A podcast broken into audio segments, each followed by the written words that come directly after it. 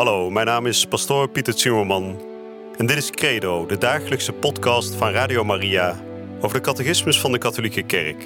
Samen dringen we elke dag een beetje dieper door in het prachtige plan van liefde dat God met elk van ons heeft.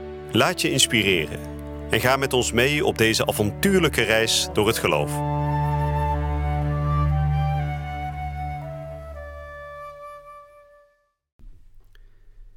Vrienden, van harte welkom bij de nieuwe uitzending van Credo hier bij Radio Maria.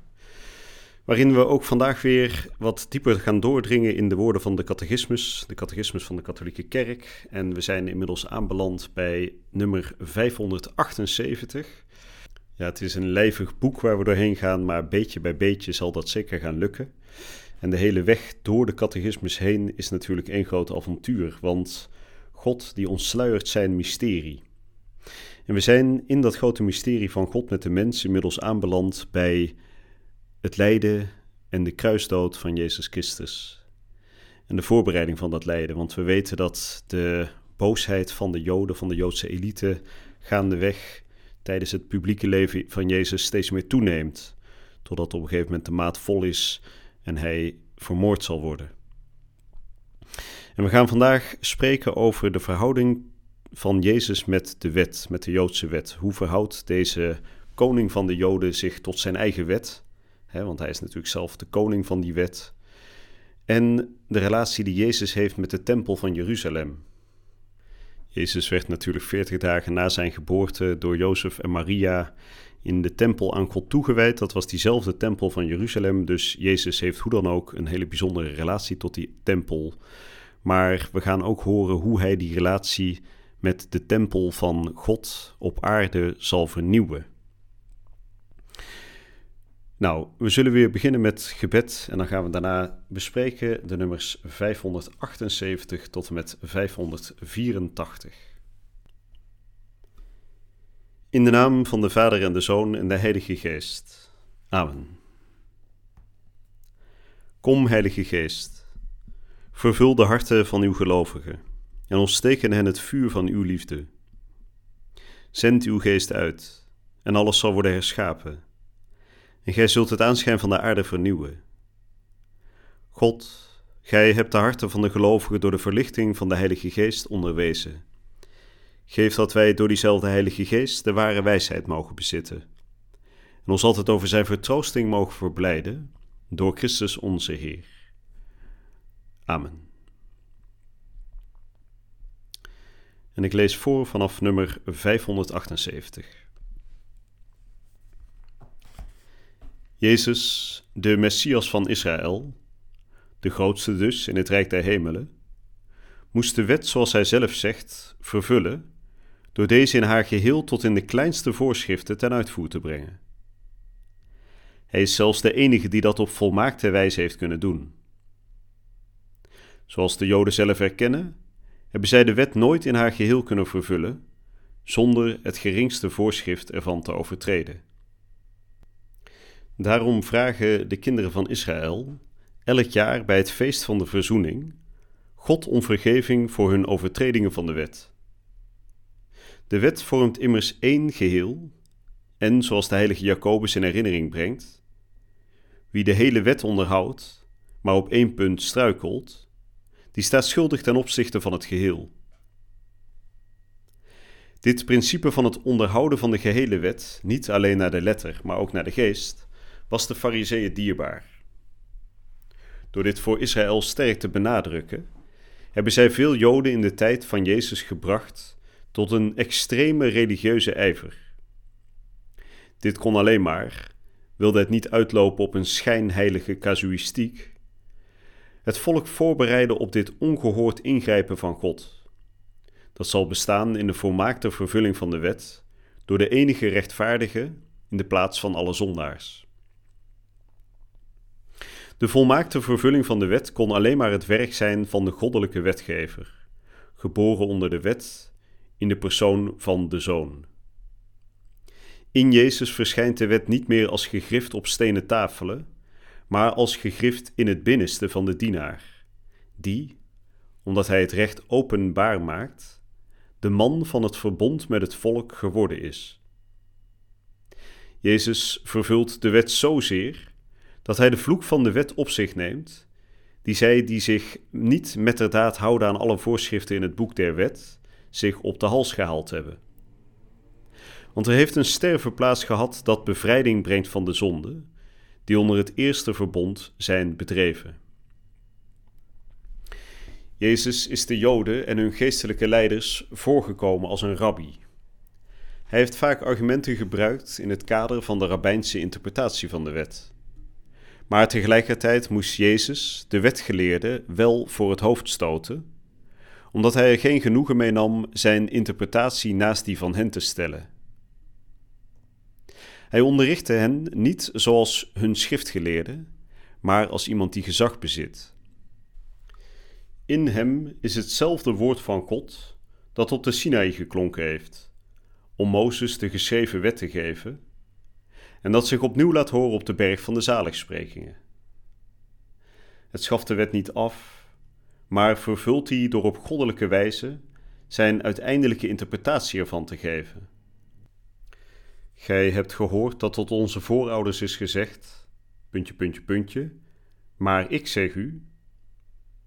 Met ditzelfde goddelijke gezag wijst hij sommige menselijke overleveringen van de Fariseeën af, die het woord Gods krachteloos maken. Jezus gaat verder. Hij vervult de wet in zaken de reinheid van voedsel, die zo belangrijk was in het dagelijks leven van de Jood door de pedagogische betekenis ervan te onthullen, door middel van een goddelijke interpretatie. Al wat van buitenaf in de mens komt, kan hem niet bezoedelen. En hiermee verklaart hij alle voedsel rein. Wat uit de mens komt, dat bezoedelt de mens. Want uit het binnenste, uit het hart van de mensen komen boze gedachten. Door met goddelijk gezag de uiteindelijke interpretatie van de wet te geven, kwam Jezus tegenover sommige wetgeleerden te staan, die zijn interpretatie van de wet, die toch gewaarborgd werd door de goddelijke tekenen waarmee die interpretatie gepaard ging, niet aanvaarden. Dit geldt in het bijzonder voor de kwestie aangaande de Sabbat. Jezus herinnert eraan, dikwijls gebruikmakend van rabbijnse argumenten, dat de Sabbatsrust niet verstoord wordt door de dienst aan God of de naaste. Een dienst waarvan zijn genezingen de verwezenlijking zijn. Jezus en de tempel. Jezus heeft, evenals de profeten voor hem, voor de tempel van Jeruzalem het diepste respect aan de dag gelegd. Hij is er door Jozef en Maria veertig dagen na zijn geboorte opgedragen. Op twaalfjarige leeftijd besluit hij om in de tempel te blijven, om zijn ouders eraan te herinneren dat hij zich moet wijden aan de aangelegenheden van zijn vader. Hij is gedurende zijn verborgen leven minstens elk jaar erna opgegaan voor Pasen. Het ritme van zijn openbaar optreden werd bepaald door zijn pelgrimstochten naar Jeruzalem voor de viering van de grote Joodse feesten. Jezus is opgegaan naar de tempel als naar de bevoorrechte plaats om God te ontmoeten. De tempel is voor hem de woning van zijn vader, een huis van gebed. En hij is verontwaardigd over het feit dat de buitenste voorhof ervan in plaats is geworden waar handel gedreven wordt. Als hij de handelaars uit de tempel jaagt, dan is het uit naijverige liefde voor zijn vader. Maakt van het huis van mijn vader geen markthal. Zijn leerlingen herinneren zich dat er geschreven staat: De zorg voor uw huis heeft mij uitgeteerd. Na de verrijzenis hebben de apostelen een godsdienstig respect voor de tempel behouden. Nou, dat waren de nummers 578 tot en met 584. Er zaten een paar lange, toch ook wel een beetje ingewikkelde zinnen tussen.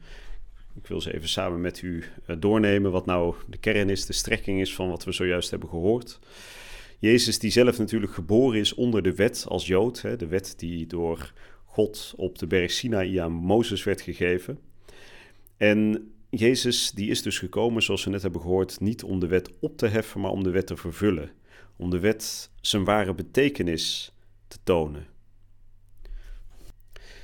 Kijk, de wet is natuurlijk door God aan Mozes gegeven aan het hele Joodse volk om uiteindelijk het verbond, de relatie met de schepper, met God te onderhouden.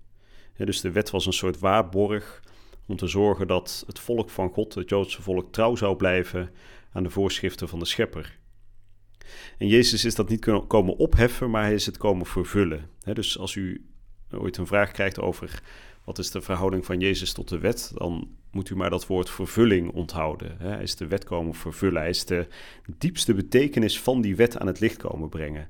En daarom wordt er wel van Jezus gezegd dat hij zelf de levende wet is. Hij is wetgever, want hij is God. En hij is ook de wet zelf. Hij is de nieuwe regel, om het zo te noemen.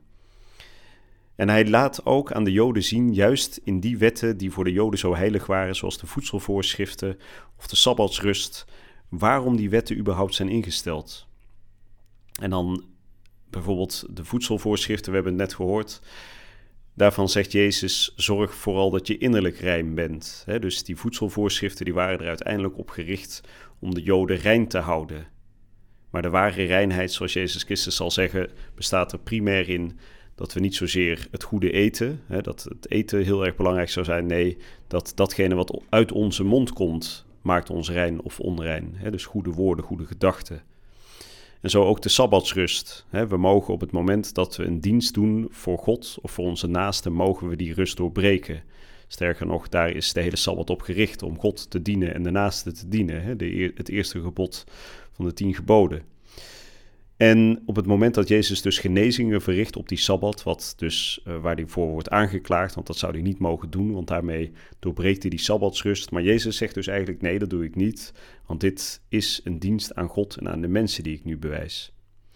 Met andere woorden, Jezus laat aan de Joden de ware betekenis van die wet zien. Dus hij heft hem niet op, maar hij brengt de complete vervulling van die wet, namelijk het nieuwe verbond in Jezus Christus tot God. Nou, daar wil ik het vandaag voor vandaag bij laten. Ik wens u nog een hele goede dag toe. En ik hoop u bij de volgende uitzending weer te ontmoeten hier bij Radio Maria. Je luisterde naar Credo, de dagelijkse podcast van Radio Maria over de catechismus van de Katholieke Kerk. Credo is iedere werkdag te beluisteren op Radio Maria. Maar je kunt de afleveringen ook in je eigen tempo terugluisteren op onze website, in de app of op Spotify en de andere platforms. Via de website radiomaria.nl vind je dagelijks de link om de bijbehorende teksten uit de catechismus mee of terug te lezen. We zijn erg dankbaar voor alle giften die wij mogen ontvangen. Daardoor kunnen we ons goede werk blijven doen. Draag je ook bij aan deze missie?